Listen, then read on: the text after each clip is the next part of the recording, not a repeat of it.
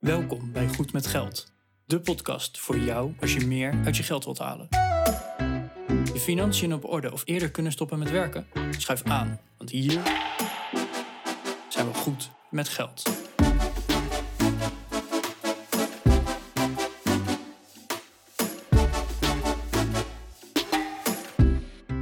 Aflevering 219 van de Goed met Geld podcast. Leuk dat je weer naar ons luistert, Arjan hier. Eh, vandaag hebben we het over de notaris. Eh, we hebben al eerder afleveringen opgenomen over het kopen en verkopen van mijn huis. En ja, vandaag dus een iets meer administratieve aflevering. Want als je een huis koopt en verkoopt, moet je ook langs de notaris. Nou, dat, eh, dat hebben we, heb ik en mijn vriendin gedaan. Wij zijn naar de notaris geweest en dit was het voorgesprek. Dus er komt nog een keer een aflevering over het daadwerkelijk tekenen. Maar goed, het voorgesprek was al interessant genoeg om een hele aflevering over op te nemen. En zeker als jij binnenkort je huis gaat kopen of verkopen, dan is deze aflevering natuurlijk wel even fijn om te weten wat er allemaal een beetje besproken gaat worden. Ja, onderwerpen die dus aan bod kwamen uh, zijn dus inderdaad het huis, maar ook uh, een samenlevingscontract en een testament. Want dat zijn ook wel belangrijke onderdelen op het moment dat je samen zo'n grote stap maakt. Wil je meer informatie over de linkjes en wat we besproken hebben? Dat kan natuurlijk in de show notes. Goedmetgeldpodcast.nl slash 219. En zeg je nou, hey Bas, hey Arjan, jullie hebben nog dingen gemist. Of ik wil hier aan toevoegen of op reageren. Dat kan natuurlijk in de show notes. Maar uh, wij willen ook natuurlijk heel graag gewoon van jou direct horen. Dus dat kan uh, gewoon in een mailtje. Goedmetgeldpodcast.nl slash contact. Staat een formuliertje en dan krijgen wij dat als mailtje in onze inbox. Dus ik ben echt heel benieuwd naar jullie reactie. Uh, hoe jullie dit ervaren hebben, misschien wel in het verleden. Of ja, welke onderdelen wij gemist hebben. Voor nu in ieder geval heel veel luisterplezier.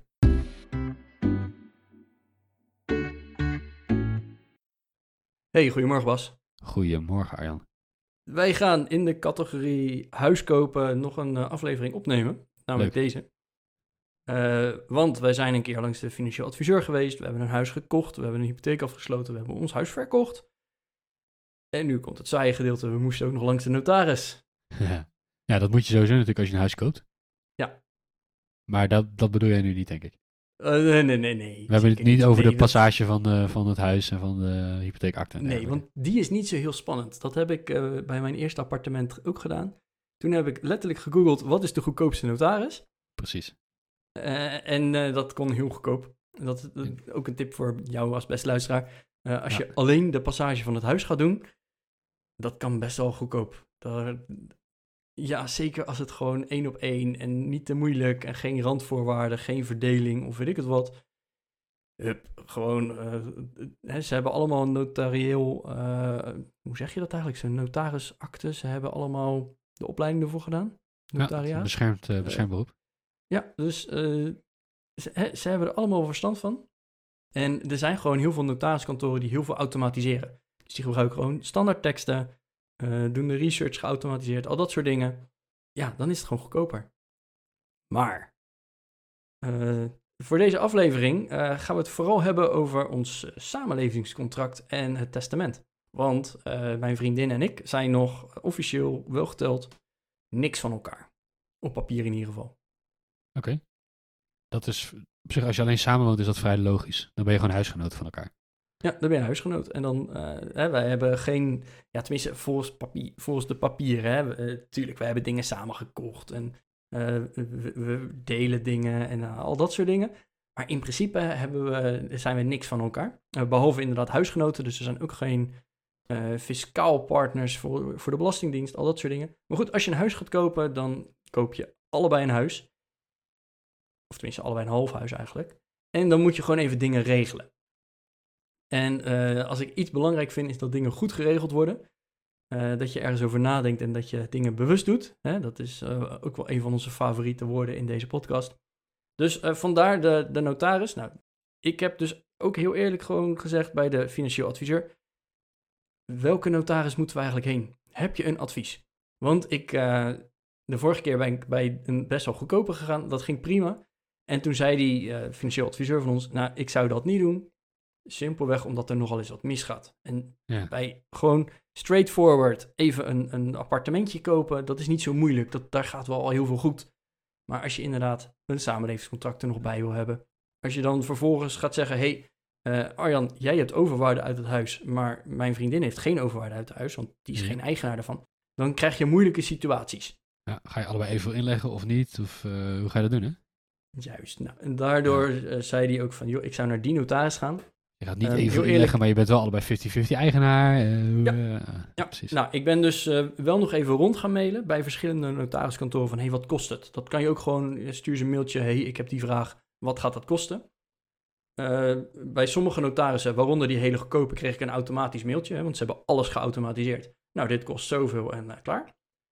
Dan had je sommige notarissen, nou, we hebben dus een eh, huis wat we gaan kopen.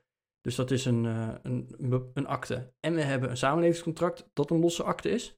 Ja. Daar, daar kon niet één notaris of notariskandidaat of weet ik het, welke persoon daarover gaat, kon daarop antwoorden. Nee, dat kreeg ik twee losse mailtjes.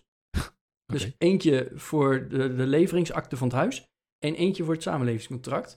Dus dat moest ik zelf nog op gaan tellen. Dat ik denk, nou jongens, hè, Maak even een gewoon, maak even een offerte, weet je. Zo moeilijk kan het ook niet zijn. Ehm, en die, die, daar stond gewoon al een bedrag van, hey, het voorgesprek kost dit. Dat ik dacht, zo, Serieus? als je voor het voorgesprek al je factuur wil gaan sturen, dan, eh, en ze waren ook echt heel duur. Uh, Dat, eh, de- en sommigen die zeiden van, nou, dit gaat ongeveer zoveel kosten. En anderen stuurden gewoon de prijslijst van, nou, dit zijn de standaard tarieven. Nou, da- daar zitten echt verschillen tussen. Hè. Dat, de, de goedkoopste en de duurste, dat scheelde, ik geloof, 1000 euro. Als het niet 1500 was. Eh, Ja, en ik ben er ergens tussenin gaan zitten. ja, precies. Ja, wij, hebben, wij hebben het bij verschillende notarissen gedaan. Oh, Dus echt? we hebben een, ja, we hebben een notaris die echt wel een, echt zo'n vastgoednotaris die daar helemaal in gespecialiseerd is. Eh, daar hebben we het huis en de hypotheek eh, laten passeren. En we hebben een paar weken daarvoor bij een andere notaris eh, samenlevingscontract en testament geregeld. Oh ja. Juist omdat die package deal vaak te duur is. Omdat de ene goedkoper is in het ene en de andere in het andere. ja je krijgt waarschijnlijk, en je, hebt toch te maken met verschillende specialismen, met weet ik wat allemaal. Je moet er toch voor terugkomen. Nou, dan net zo goed naar twee notarissen. Dus we hebben daar geprobeerd om een split te maken. Dat heeft iets meer regelwerk, zeg maar, aan jouw kant. Dat je moet even uit, de notaris uitzoeken, offerte vragen, weet ik wat allemaal. Ja, je moet er toch heen. En, eh, dat, dat hebben we toen wel bewust zo gedaan. Oké. Nou, wat ik eh, nu, eh, nu het hier toch over hebben, wat ik wel gek vind, we hebben nu twee afspraken bij dezelfde notaris achter elkaar. Dus we gaan op, eh, ik geloof dat het een woensdag is, gaan we woensdagochtend om 10 uur hebben we de sleuteloverdracht. En woensdagochtend om 11 uur hebben we de samenlevingsovereenkomst. Dus we gaan eerst samen een huis kopen en gaan daarna pas een samenlevingscontract aan. Dat vond ik wel een, een gekke volgorde, maar Heeft dat wettelijk geen, eh, geen invloed? n- nee. Misschien alleen als er in de tussentijd dus iets gebeurt. Maar, nee. Ja, of, of wel, maar het risico is zo klein. Maar, ja. Ja, maar in principe kan je ook gewoon als, als, zonder samenlevingsovereenkomst een huis samen kopen. Jazeker, dat, Het kan wel. kan dat. Ja hoor. Eh, Ja. hè, daar heb je geen samenlevingsovereenkomst voor nodig. Dus dat, eh, nou, dat vond ik wel een interessante, of een, een grappige eh, ja, situatie die ontstond. Oké. Dus eh, ja, dat. Maar goed, ehm, ik, ja, ik vond het dus wel belangrijk om in de serie die we nu al aan het maken zijn, eh, mijn kennis en ervaring hierin te delen. En Bas, Ja. nou, jij hebt ook al een samenlevingsovereenkomst. Jij hebt ook al eh, eh, meerdere keren bij een notaris gezeten. Ehm, dus die willen we vooral delen, maar ook meteen een disclaimer. Want wij zijn zeker geen notaris. Wij hebben er nou, zeer beperkt verstand van. Uh-huh. Ehm, maar ik denk dat deze aflevering wel een hele goede binnenkomen is als je bezig bent met een huis kopen of een samenlevingscontract. Ehm, hè, wat, wat, wat voor vragen worden er nou eigenlijk gesteld? Waar moet je over nadenken? Welke tips en tricks zijn er? Nou, en die komen dus uit de, de twee, drie uur dat wij bij een notaris hebben gezeten. Dus is Mhm. ook zeker niet volledig. Vraag ook vooral bij vrienden, kennissen, familie, weet ik het wie je kent, eh, om ook hun input ervan. Maar ik denk dat dit, eh, deze aflevering vooral een hele toegankelijke manier is om er eens over na te denken en, eh, en ja, te beseffen wat er allemaal op je afkomt. Ja, wat uiteindelijk wel van belang is, is dat je zelf eh, goed bepaalt wat jij gaat doen. Dus ga dan alsjeblieft niet het verhaal van Arjan of van mij eh één op één overnemen op je eigen situatie en daar actie op ondernemen. Doe dat niet. Ga voor jezelf kijken wat jij nodig hebt. En ga daarover in gesprek met iemand die daar verstand van heeft. Eh, maar laat je inspireren door, door onze ervaringen. Laten we het daarop houden. Zeker. Dat eh, gezegd hebbende. ehm wat hebben jullie allemaal geregeld? ja, wij, eh, wij gingen eerst natuurlijk voor het samenlevingsovereenkomst. Van, we gaan samen een huis kopen. We willen gewoon ook dat we eh, elkaars partner gaan zijn daarin. Dat was wel belangrijk. En eh, hè, als er dan eh, iets met een van ons ook gebeurt, dat, je, dat de ander Ja. ook weer goed achterblijft, nou, dan komt er automatisch een testament bij. Want als je een samenlevingsovereenkomst hebt, dan, dan is het heel leuk. Dan ben je nog steeds geen erfgenaam van elkaar. Nee. Dus we moesten ook een testament inderdaad gaan, gaan regelen. Nou, en de notaris die begon eigenlijk voornamelijk met het uitleggen van... wat is nou een samenlevingsovereenkomst? Wat is een eh, geregistreerd partnerschap? Wat is een huwelijk? Eh, en wat zijn de verschillen ertussen? En dat was wel een ja, eye-opener, wil ik niet zeggen... maar wel heel fijn dat hij daar ook even de tijd voor nam. Nogmaals, even nog de achtergrond. Dit was een voorgesprek. We hebben dus nog helemaal niks getekend. Ja. Ik heb ook de concepten nog niet gezien. Dus Bas, als je moeilijke vragen gaat stellen, ik heb waarschijnlijk geen idee. Ehm, maar dat, dat is, eh, het voorgesprek vond ik dus wel erg prettig. Dus als je inderdaad naar de goedkoopste gaat, heb je geen voorgesprek, krijg je ook de uitleg niet. Ja, een boekje en dat gaat zelf maar Mhm. lezen. Maar bij moeilijke vragen, dan is zo'n voorgesprek wel heel fijn. Ehm, hij begon dus ook vooral het, het verschil tussen zo'n geregistreerd partnerschap en een huwelijk. Ja, bij wet in Nederland is het niet extreem groot. Eh, zoals hij het uitlegde, was het inderdaad: als je een huwelijk hebt en je wil uit elkaar, dan eh, moet dat via de rechter en heb je dus een advocaat nodig. En bij een geregistreerd partnerschap hoeft dat niet. Dan kan het inderdaad via, via de notaris. En eh, bij een, hu- een, een huwelijk wordt internationaal erkend als één ding. Een huwelijk is overal eigenlijk hetzelfde. Terwijl een geregistreerd partnerschap, dat heb je in verschillende landen in verschillende vormen.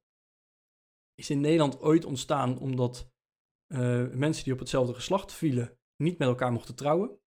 Dus ja, in Nederland is het daardoor wel ontstaan en eh, heb je in principe dezelfde status. Maar in het buitenland wordt het niet erkend zoals.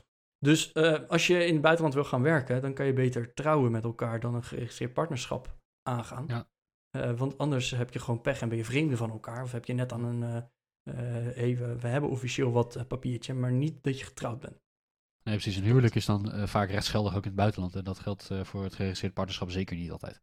Nee, dus dat, eh, dat was daar het grootste verschil. En ja, voor een samenlevingscontract, het mooie daarvan is, er is niet zo heel veel over vastgelegd. Nou, dus je kunt heel veel, heel veel afspraken zelf maken.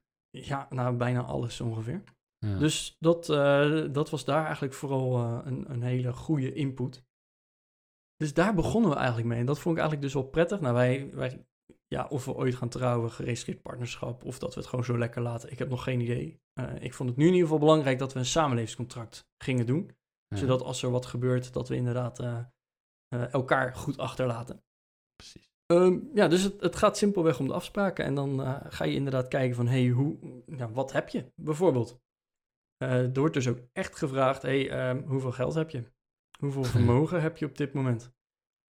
En eh, heb je nog eh, spullen die van waarde zijn? Eh, denk aan sieraden, denk aan een auto, denk aan nou, al dat soort dingen. Ja. Heb je nog pensioen opgebouwd? Nou, ja, volgens mij was dat het wel een beetje. Nou, en ik en mijn vriendin verschillen daar best wel in. Dat, mijn vriendin heeft een auto, die heb ik niet, want ik heb een auto die geleased wordt. Dus die heb ik Van, officieel niet. van het bedrijf. ja. Ehm, vermogen. Nou, ik, eh, ik heb dit appartement en daar komt nogal wat overwaarde uit. Die heeft zij dan weer niet. Die heeft zij niet. Eh, we hebben allebei wel een spaarpot, maar daar zit ook nog verschil in. Dus nou, dat schreef hij dus allemaal op. Hij maakte allemaal notities. Ja. En eh, toen begon hij inderdaad uit te leggen, nou, als je inderdaad gaat een, een samenlevingsovereenkomst, maar ook bij een huwelijk onder beperkte gemeenschap van goederen, wordt er eigenlijk gekeken, wat heb je voordat je de krabbel zet? Nou, Ja. voordat je de krabbel zet, en dat, dat blijft eigenlijk privé. Dus de auto van mijn vriendin gaat onder privé vallen. De, het appartement wat ik heb gaat onder privé vallen. Het eh, vermogen wat we elk hebben gaat elk onder ons privé vallen. ja, dus stel dat jullie uit elkaar gaan, dan gaat jullie eh, het vermogen dat jullie samen nu nieuw opbouwen, dat ga je verdelen. Ja. Eh, maar wat je van tevoren al had, dat ga je niet verdelen. Dat blijft En- van ieder afzonderlijk. Ja, ja. Dus, ehm, en vervolgens ging er, g- legde hij dus ook uit. Ehm, ja, je, je kan dus afspraken maken over wie wat in gaat leggen. Want hè, je gaat vermogen, of uiteindelijk, als je een samenlevingscontract hebt, alles wat erin komt, dat is in principe van jullie beiden. Maar daar moet je afspraken in maken. Ja, stel dat de ene partner veel meer inkomen heeft dan de andere. hè, Wat doe je dan in dat geval? Ja, dus hè, stel ehm, ik verdien eh, 5000 euro per maand en mijn vriendin verdient eh, 2500 euro per maand. Leg je dan allebei 2500 in, hè, wat eh, qua bedrag eerlijk is. Ja. Of leg je allebei de helft van je inkomen in. Dus naar rato. Dus dan leg ik eh, Ja. 2500 in en mijn vriendin legt 1250 in. Ja, precies. Dat, Ja. eh, dat zijn opties.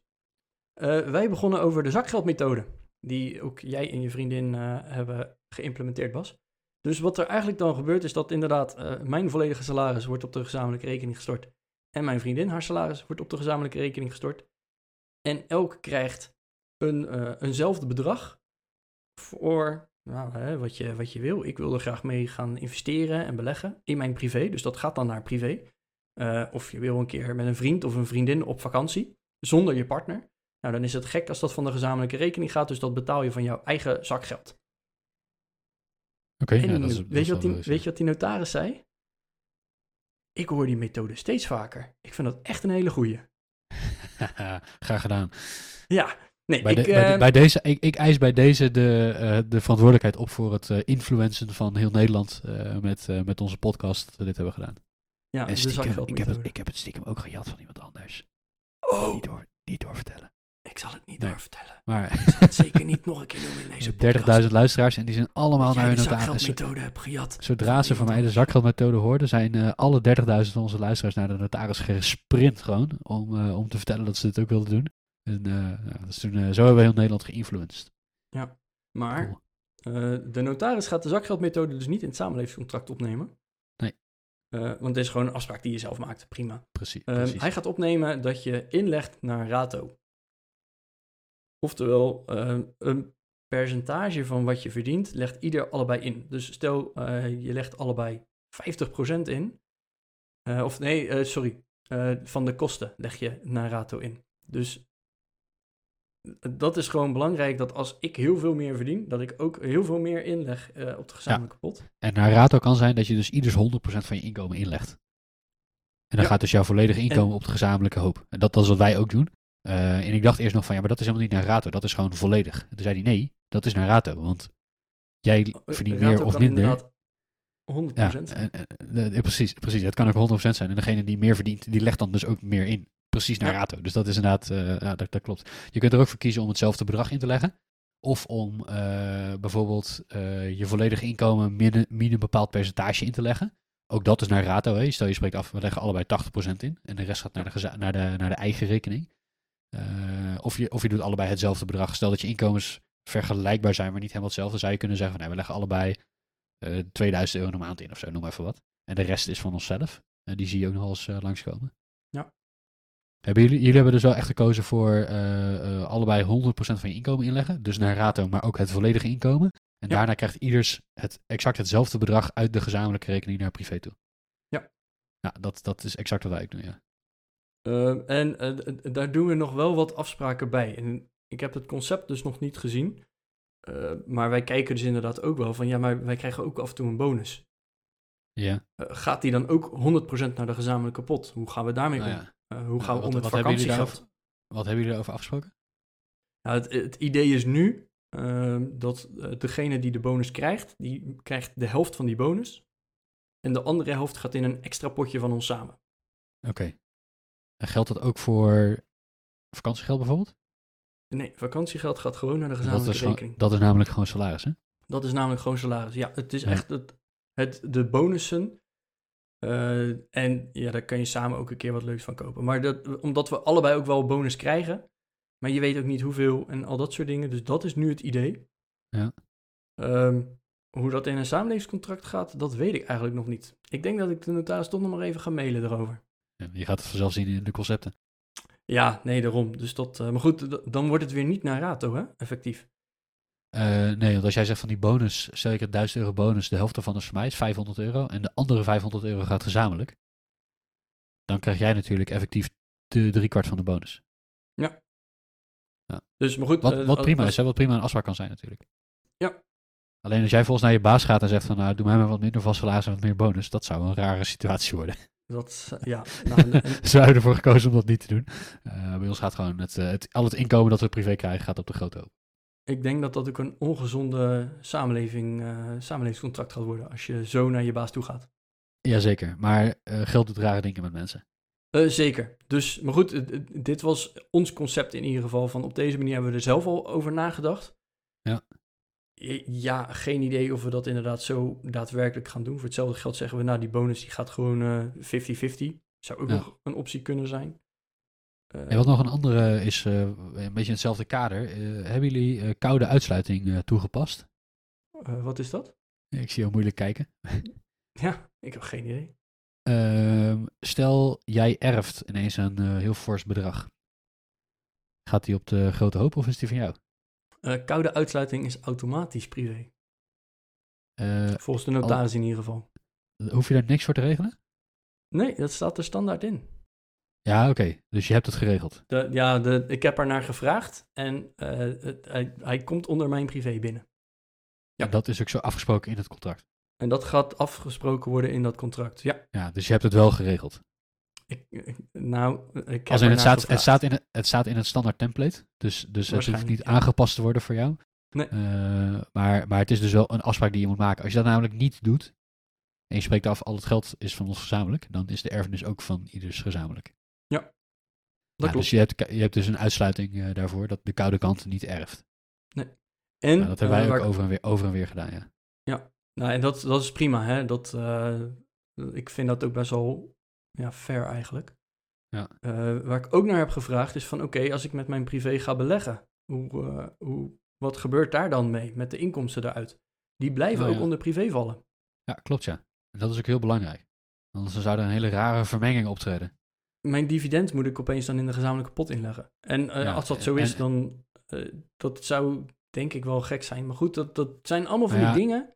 Op zich is dat nog niet zo gek, maar, ja, maar het wordt heel gek vooral als het andersom gaat. Wat nou als je een jaar lang verlies maakt? Ga je dan geld uit de gezamenlijke pot halen? Zou Nou, eigenlijk wel moeten, hè? dat- Ja, dan wel. dus dat zou heel raar zijn. Ja, nee, dus inderdaad, alles wat van jou is en, en het inkomen dat je daarmee genereert, blijft van jou. Ja. Ja, En dat hebben wij ook. Hè. Dus het appartement dat ik verhuur bijvoorbeeld, dat zit ook in mijn stukje. Dat is niet van ons gezamenlijk. Die heb ik gekocht Nee. voordat, we, eh, voordat we samen gingen, zeg maar. Dus die blijft van mij. Maar ook al het inkomen dat ik eruit haal en de waardestijging en nou, noem het maar op, dat, dat blijft van mij. Maar goed, nu kwam het volgende punt. Ik heb natuurlijk nog wel een appartement met overwaarde. Eigenlijk dezelfde situatie die ik had. Eh, ja, en die Ja. overwaarde moet ik dus in principe gewoon inleggen in het volgende huis, anders heb je geen recht op hypotheekrenteaftrek. Over dat stukje, ja. O- over dat stuk. En Ja. eh, kijk, als de rente een half procent is, maakt dat niet zoveel uit. Maar wij hebben een hypotheek straks met een, een rente van 4 plus procent. ja. Dan is die hypotheekrenteaftrek best wel aantrekkelijk, kan ik je vertellen. Ja, wij hebben bewust inderdaad niet gedaan. We hebben een heel stuk aflossingsvrij genomen op het nieuwe huis. eh, waar geen hypotheekrenteaftrek op zit. En daar hebben we van geargumenteerd van ja, dat is dan ook meteen het stuk overwaarde, zeg maar, wat, in- wat uit het oude huis eh, kwam. Eh, Ja. Maar ja, daar hadden we toch al geen hypotheekrenteaftrek op gekregen, dus kunnen we volledig mee financieren. En het Ja. oude huis dus aanhouden om te verhuren. Dat is de truc die wij hebben toegepast, maar dat is met anderhalf procent rente. Eh, ik had nu in dit klimaat denk ik ook een andere keuze gemaakt. Nee, daarom. Dus Ja. dat, eh, d- dat was het vooral. En, ehm, maar goed, dat komt dus uit mijn privé. Ja. Dus heb jij nu ook een, een groter deel van het huis dat van jou is? Eh, nee. En dat was dus de optie. 50-50, eh, oké. het huis is 50-50. En dat is vaker bij, als je een samenlevingscontract aangaat. Als je een onderhuwelijkse voorwaarde trouwt, is dat vaak Ja. anders. Ja. En dat is, wat- of tenminste, dat is wat de notaris mij zei. Ehm, dan krijg je namelijk een groter deel van het huis. ja, dus- oké. Eh, tenminste, dat zijn de standaarden. Nou, wat er dus eigenlijk gebeurt is, eh, stel ik heb, eh nou, noem even wat, 20.000 euro overwaarde. Dan moet ik die 20.000 euro in het nieuwe huis in, erin stoppen. Ja. En in principe leent mijn vriendin de helft daarvan van mij en stopt dat in het huis. Ah, dus jullie stoppen allebei 10.000 erin. Dus we stoppen er allebei 10.000 in. Maar Ja. technisch gezien is het 20.000 euro van mij. Maar mijn vriendin leent dus eigenlijk 10.000 euro van mij en stopt dat er als haar deel in. Betaalt ze geen Ja. rente over. En op het moment dat we het huis gaan verkopen, dan moet die lening van 10.000 euro dus ook aan mij terugbetaald worden. Ja, precies. Ja, dus, dus het eigen vermogen dat jullie in de woning hebben is 50-50. En jullie hebben ieders de helft van de overwaarde ingelegd. Ja. Alleen jouw vriendin had dat niet cash liggen om in te kunnen leggen. Dus die heeft dat cashdeel van jou geleend. En, ja, logisch, logisch op zich. eh, eh, eh, zeker logisch. En Zit er nog dan- een rente op op zo'n lening? nee, er zit geen rente op. Op zich is dat logisch hoor. Dat zou, ik zou in dat geval ook geen, geen rente vragen. Maar de reden dat ik het vraag is dat er nog wel eens wordt gekeken, zakelijk gezien, als je van je BV leent zonder rente, dan wordt het gezien als een dividenduitkering. Omdat je anders wel rente had moeten betalen. Dus misschien geldt dat nu dan dat die rente die je niet betaalt als een gift beschouwd wordt of zo. Maar Ja, ik, hoe, hoe dat, dat vond de notaris ook. Belastingtechnisch is het echt een crime. ja, überhaupt eh, dit, dit hele gedoe. Ehm, de, de andere optie is dat, eh, stel het huis kost eh, 100.000 euro, dat is niet realistisch, maar hè, stel, en 20.000 euro komt vanuit mijn overwaarde, ja, dan heb ik de eerste 20.000 euro heb ik dus al betaald en de andere 80 wordt 50-50 verdeeld, waardoor ik 60% heb. En mijn vriendin legt 40 in, waardoor je dus een 60-40% verhouding krijgt. En bij verkoop gaat dat ook naar die 60%, 40% verhouding ja precies. Dan heb, je, dan, dan heb je gewoon een andere eigendomsverhouding. En dan heb je een andere eigendomsverhouding en dan eh, groeit dat, die, die lening eigenlijk mee met ja, de inflatie, met de huizenprijs, met, hij daalt. Ja, dat is, ook. dan is het dus geen lening. Dan is het dus geen lening. Dan is het een stuk eigen vermogen. Wat jij meer inlegt dan Ja. zij. Waardoor jij een Ja. groter deel van het eigen vermogen van die woning hebt. Dus ook Ja. bij verkoop een groter deel van de overwaarde pakt. Eh, en, en in dit geval is het een vreemd vermogen voor haar. Eh, maar is de eigen, het eigen vermogen dat in het huis wordt ingelegd, is 50-50. Ja. En een lening groeit niet mee met waarden. Nee, en voor allebei is, is wat te zeggen. Eh, want inderdaad, de, in de, de eerste optie, dat bedrag wat, wat ik erin stop, dat blijft hetzelfde. Over 20 jaar is het bedrag nog steeds hetzelfde. Ja. Ook al is de inflatie eroverheen gegaan, al dat soort dingen. Eh, daar is wat voor te zeggen. Maar goed, aan de andere kant zou ik geld moeten verdienen omdat het huis meer waard wordt ten koste van mijn vriendin. Dat is dan de andere kant. Ja. Nou, en daar ben ik ook wel een beetje van mening van, nou, als je na twintig jaar samen toch onverhoopt uit elkaar gaat, dan gun je elkaar toch hopelijk ook wel een beetje wat. Dat hoop je wel, maar in de Dat praktijk hoop valt het wel eens tegen. In de praktijk valt het wel eens tegen, maar goed, en dan, dan nog moet het, het bedrag moet er nog steeds uitkomen, hè? laten we eerlijk zijn. Er niet is, het er niet natuurlijk. Eh, nee, dat, eh, dat is ook waar. Maar goed, dat, dat zijn dus de, de smaakjes eigenlijk die je daarin kan kiezen. Dus hè, neem je een, ieder een percentage van de woning of is het gewoon een vast bedrag en wordt de ene helft aan de ander geleend? Eh, wat de notaris daarbij wel aangaf, is dat als je hierna gaat trouwen of een geregistreerd partnerschap, dan is de lening die mijn vriendin heeft, wordt, is eigenlijk ontstaan nadat we het samenlevingscontract hebben getekend. Dus valt die in de gezamenlijke pot. Ah ja. En dus eh, wordt die lening voor de helft van mijn vriendin en voor de helft van mij, eh, waardoor ik een lening aan mezelf ga hebben. Eh, die- en dus wordt opeens, die, die wordt dan weggestreept. En dat zijn dus wel dingen waar, waar ik in ieder geval in de toekomst over na moet denken en een rekening mee moet houden. Dat als we ooit nog een keer een stapje verder gaan, dat, dat dat in ieder geval in huwelijkse voorwaarden wel goed en duidelijk omschreven moet zijn. Ja, precies. Ja, dat, dat, dat moet je even scherp houden, inderdaad. Eh, bij ons is dat anders gegaan. Hebben we deze constructie niet, eh, omdat we allebei hetzelfde hebben ingelegd in de woning. Ja, En de overwaarde die ik uit de vorige woning meenam, die hebben we in de vorige woning laten zitten. Met de penalty dat je dan geen hypotheekrente aftrek krijgt. Nou, prima, dat accepteren we. Hebben we meteen dat stuk aflossingsvrij gemaakt. Had je namelijk anders ook geen hypotheekrente aftrek op gekregen. Daalt de maandlast een beetje. 20 jaar rente vast voor anderhalf procent. Wat kan er misgaan? Dat was even de, de snelle rekensom die we twee jaar geleden hebben gemaakt.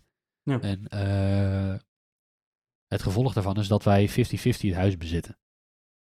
En dus geen gedoe krijgen met eh, je moet nog een lening aan een ander terugbetalen of je moet weet ik voor iets, eh, iets raars. Dat is niet aan de orde. nee, dat, dat zou inderdaad de makkelijkste optie zijn. Maar goed, in, in ons geval is dat gewoon niet mogelijk. Want het huis wat we gekocht hebben, dat konden we niet zomaar even bij elkaar lenen. Dus de overwaarde Nee. was ook gewoon nodig. Zo simpel is het. Precies. Ja, dan moet je wel inderdaad. Eh, wat de notaris nog wel ook, eh, en daar begon hij misschien wel mee, dus dat ik dat nu pas na een half uur vertel. Eh, hij zei van, ja, eh, als je binnen nu en een paar maanden gaat trouwen of een geregistreerd partnerschap of wat dan ook eh, voor plannen hebt, zou ik nu geen samenlevingscontract doen. Want dat is de kosten, dat, dat, nee, je maakt kosten en dat is het dan niet waard. Nee, dan kan, je- ja, precies. Dan kan je beter gewoon wachten en direct trouwen. Dan kan je beter wachten en meteen trouwen inderdaad. Ja. Dus dat, eh, dat zijn allemaal van die dingen waar je nog even ja, rekening mee moet houden. En ja, eigenlijk hou je dus ook in het achterhoofd van, hey, wat als we uit elkaar gaan? En die notaris zei ook van, ja, het is allemaal leuk, maar je bestek en zo en eh, allemaal eh, je servies, weet ik het wel allemaal. Ja, het- Alles wat dat 0 vecht je dan later maar op, dat gaan we niet opschrijven. Dat gaan we niet allemaal opschrijven. En natuurlijk, het kan. Maar ik weet zeker dat eh, de tarieven van de notaris dan opeens heel veel hoger worden. Nou, ja, en, ja, ja. Stel dat je elke, nou, weet ik veel, paar jaar een nieuw servies neemt. Dan moet je weer naar de notaris, want het oude servies is er niet meer. En nou, eh, daar word je niet gelukkig van. Nee. Dus eh, eh, kijk, als het inderdaad een erfstuk is wat eh, gigantisch veel waard is, of weet ik het wat, dan is het de moeite om dat op te nemen. Nou, de auto van mijn vriendin is dus al de moeite om, om op te nemen. Die wordt dus ook in de privé gestopt. Oké. Maar verder, ja, als je, als je daar nou echt een probleem van gaat maken, dan uh, het zijn maar spullen, weet je. Ja, nou ja, eens. En ik hoop, als we ooit uit elkaar gaan, dat ik er ook zo over denk. Ja, dat je het, precies, dat, je het elkaar dan nog gunt. Dat zou wel, Ja. uh, dat, dat, dat, daar moet je dan maar op hopen. Ja, dat, dat geldt voor ons eigenlijk net zo. Uh, ja, er was er wat eigen geld aan beide kanten. Uh, een bedrijf en een appartement aan mijn kant. Een auto aan haar kant. Wat aandelen nog. Ja, dat is eigenlijk een beetje vergelijkbaar, denk ik. Dus dat hebben we net opgeschreven. En daar doen we het mee. Ja. En dat gaat eigenlijk best goed. Dus zolang je niet uit elkaar gaat, uiteindelijk verwatert het een beetje. Wat, wat, wat er gebeurt in de praktijk is dat je zegt, oké, okay, we hebben allerlei dingen opgeschreven. Dat ga je nooit meer bijhouden. Nee. Ja, dus dat, ja, die, die vind ik lastig van, wat gebeurt er dan? Uh, als je, ik heb ook eens gesprek met iemand erover hoe die zegt, ja, maar als je 30 jaar bij elkaar bent, dan is dat contract wat je had of de huwelijkse voorwaarden, ja, hoeveel is dat dan nog waard, hè? De wereld is best wel veranderd in de tussentijd. Ja, En, maar ook, eh, en, zeker als je ze niet bijhoudt. Nou ja, dat is het, hè. Vermogen vermengt uiteindelijk gewoon. Dus je kunt wel afgesproken hebben van, joh, dat eh, appartement dat was van Bas en eh, die auto die was van zijn vriendin. Maar ja, die auto die bestaat dan niet meer. Ja. Dus ja, hoe ga je daar dan mee om? Want die is al lang verkocht en weet ik veel, versie 5 eh, staat inmiddels voor de deur. Die je gezamenlijk hebt gekocht. Ja, dus weet je, uiteindelijk, je, zo, je moet zo'n lijst wel echt bijhouden. En ja, dat is, dat is heel lastig. In de praktijk doe je dat niet zo gauw, denk ik. Nee, daarom. Dus, eh, en, en ja, ik, ik hoop in ieder geval dat als je inderdaad 20, 30 jaar samen hebt geleefd, dat je elkaar ook nog wel iets gunt. Precies. Uh, en dat je de, dan maar probeert terug te kijken naar de 20, 30 jaar die je gelukkig samen bent geweest. Uh, en dat je daarmee, met dat in het achterhoofd, elkaar ook nog een beetje wat gunt. En dat je er gewoon als volwassene uitkomt. Want ik, ik zie af en toe inderdaad van die vechtscheidingen voorbij komen. En je denkt, jongens, waar maken jullie nou, druk om? Ja.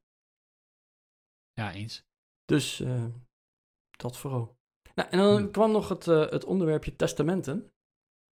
Uh, hoe ga je je vermogen en alles nalaten?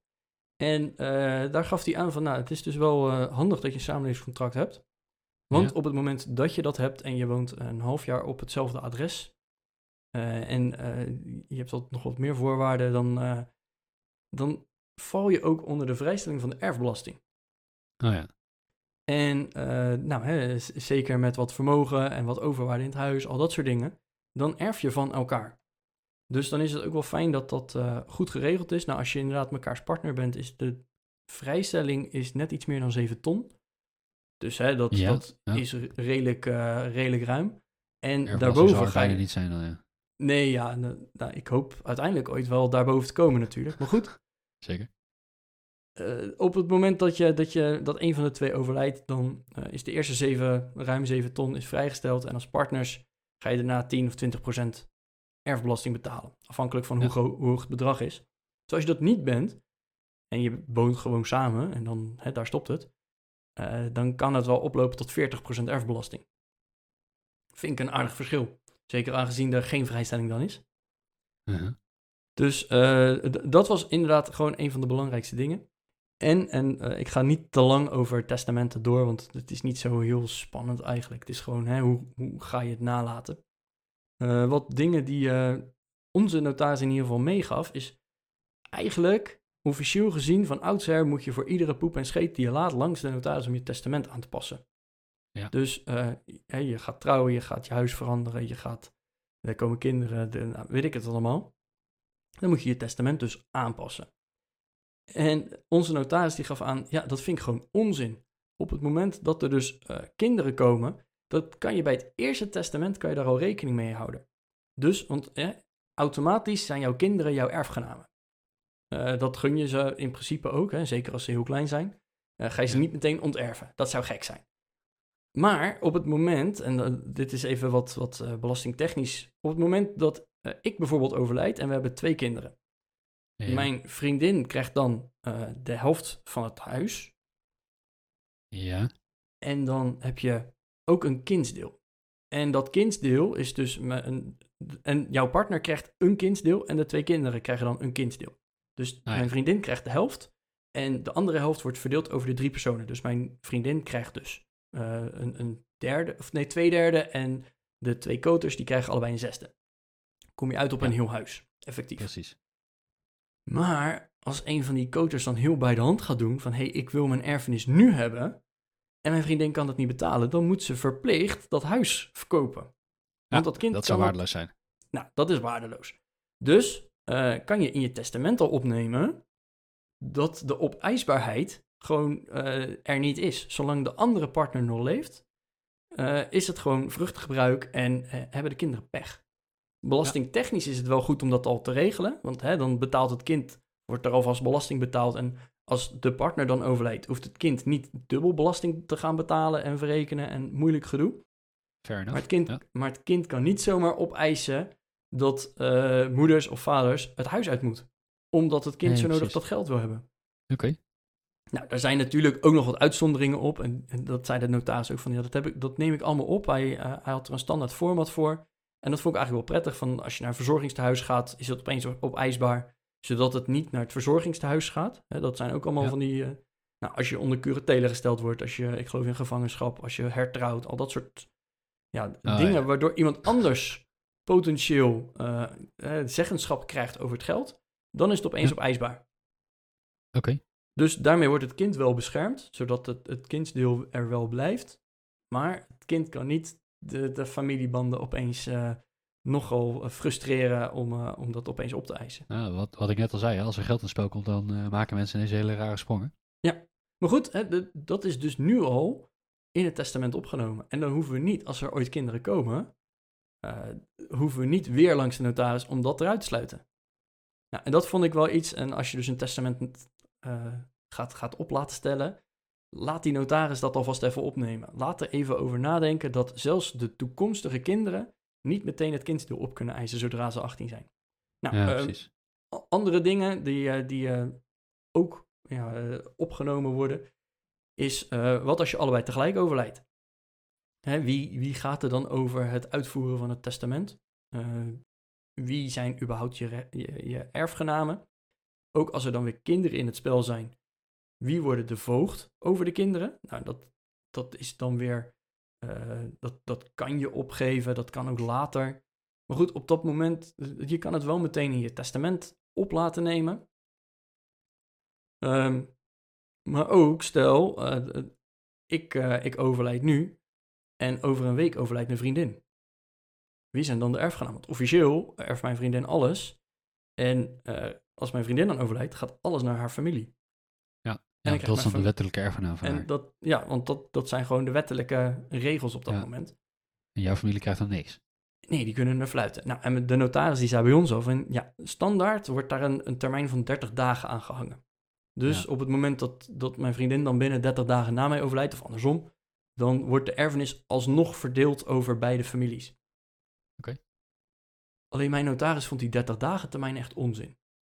Die ging die dus ook niet opnemen. Die, eh, die zei gewoon van, ja, maar wat als het op dag 31 gebeurt? Dan heb je alsnog heel veel ruzie om geld, omdat iemand een dag later is overleden.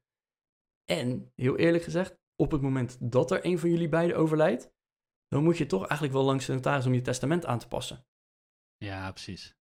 Dus zolang je dat dan nog niet geregeld hebt, is dit van toepassing.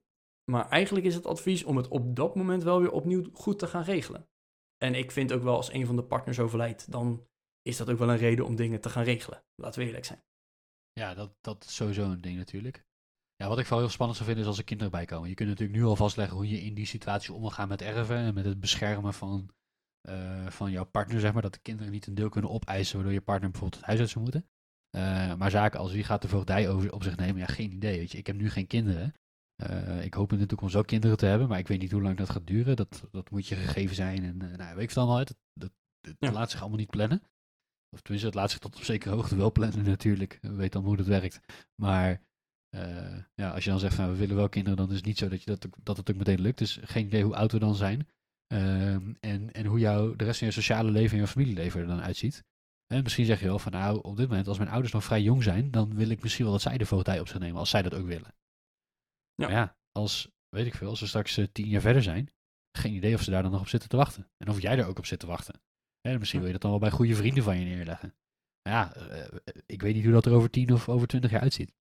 Dus ik denk dat je er goed aan doet om eh, nu alvast na te denken over dit soort scenario's. Zeker aan de erfkant.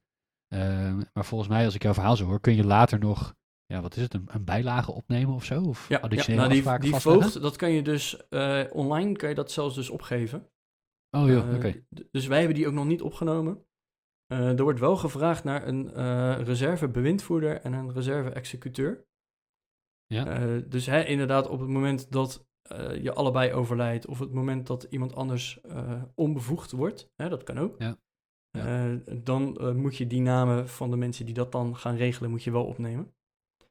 Ja, precies. Eh, maar verder qua voogd en kinderen, dat hoeft nog niet per se. En natuurlijk, het is goed om er dan nog een keer goed over na te denken. En hoe zit het ook alweer? Maar ja, in principe wordt het dan gewoon weer een nieuw testament en is dat nieuwe kosten. Dus hè, dat, dat hoort daar dan allemaal weer bij. En dat, dat zou je niet moeten willen. Ehm, dus dat vond ik in ieder geval vanuit eh, deze notaris wel erg fijn. Dat dat Ja. inderdaad gewoon meteen... eh, een- dat een aantal dingen alvast geregeld zijn. Dat als je niet meteen het binnen een jaar doet... eh, als er wat verandert, dat het testament dan nog steeds wel eh 90% van de, van de dingen dekt. Precies. Oké, nou, klinkt goed. Ja, dat is het dus eigenlijk vooral. Ehm, je moet dingen regelen voor als het misgaat. En dat is eh, niet altijd leuk. Ehm, ik vond eigenlijk dat, wil- zelf dat wilde wel... ik net zeggen. Ja. Ja, ik vond zelf eigenlijk wel meevallen. Ik, ik, we hadden er zelf al gesprekken over gevoerd. Dus hè, wat, ja, wie- wiens vermogen is nou wiens? Hè? Eh, wat als we uit elkaar gaan? Ik zou het heel gek vinden als mijn vriendin opeens de helft van mijn vermogen krijgt op het moment dat we uit elkaar gaan. Uh-huh. Dat, hè, dat, dat- daar heb ik ook gewoon hard voor gewerkt, hard voor gespaard. En vice versa, stel dat mijn vriendin eh, eh, opeens, weet ik veel, wat goede aandelen pikt en duizenden procenten winst daaruit maakt. Dan zou ik het ook gek vinden als ik daar opeens de helft van zou krijgen. Het zou wel lekker zijn, maar dat zou wel gek ja. zijn. En dat je dan tijdens je relatie wel het vruchtgebruik daarvan hebt, prima. Hè, dat, dat hoort daar gewoon bij. Maar op het moment dat het niet goed loopt, dan is het goed om daarover na te denken. En dus ook over je testament. Wat als een van jullie overlijdt of wat als jullie beiden overlijden? En ja, heel eerlijk, ik ben er echt gewoon ingegaan met als mocht ik dan inderdaad overlijden, dan moet het gewoon goed geregeld zijn. Dan moet de ander, die moet er gewoon goed bij blijven zitten. Ja, precies. Dat vond ik ook van belang. Eh, ik vond het niet heel leuk om ermee bezig te zijn. Het is toch altijd wat luguber. En ik, ja, je gaat het nu hebben over wat als ik overlijd. En eh, ja, ik eh, was dus niet van plan dat het gaat gebeuren. Ja, Eh, en ook aan de samenlevingscontractkant. En straks voor ons, eh, we gaan trouwen straks voor ons aan de kant van de huwelijkse voorwaarden. Eh, ja, weet je, eh, je gaat dan toch allerlei afspraken nu alvast vastleggen. Voor het geval dat je later uit elkaar gaat. Dus je gaat ervan uit dat je dat niet doet. Want waarom ben je anders nu samen? Of waarom ga je anders trouwen? Maar het is wel heel belangrijk om dat wel te doen. En je kunt altijd beter afspraken maken als je nog vrienden bent. Dan als je dat niet meer bent. eh, helemaal eens. Luisteraars, hebben jullie eh, hiermee te maken gehad? Zijn wij zaken vergeten? Laat het ons wel even weten. Hè? In de show notes eh, kun je een berichtje achterlaten. Die krijgt iedereen dan te zien. Dat is gewoon een comment op onze website. Wil je dat niet? Wil je geen openbare informatie, of wil je de info- informatie niet openbaar delen bedoel ik? Stuur ons dan een privébericht. Wij krijgen dan een mailtje als je dat doet, Arjan en ik. Dat kan via goedmetgeldpodcast.nl slash contact. Ja, en ben jij notaris en zeg je, ja, Arjan, Bas, jullie hebben de plank totaal misgeslagen of deze essentiële informatie eh, moet er ook nog bij. Wij nemen er gerust een nieuwe aflevering eh, bij op. Dus eh, neem dan ook gerust contact op met ons. want we interviewen je graag. ja, want ik denk oprecht dat deze dingen gewoon heel belangrijk zijn. En echt, ook al heet het langs de notaris en zou je zeggen het heeft niet met geld te maken. Ik denk dat dit wel echt hoort bij een leven waarin je goed met geld bent. Omdat je Ja. ook nadenkt over de lange termijn en over de toekomst. En ook al is die niet leuk, ehm, belangrijk is die wel. Zeker. Eh, nou, dat gezegd hebbende, hopelijk eh, als wij elkaar de volgende keer spreken, Arjan, eh, zijn hier nog geen zaken gebeurd die we net besproken hebben. Eh, dus tot de volgende keer. Tot de volgende.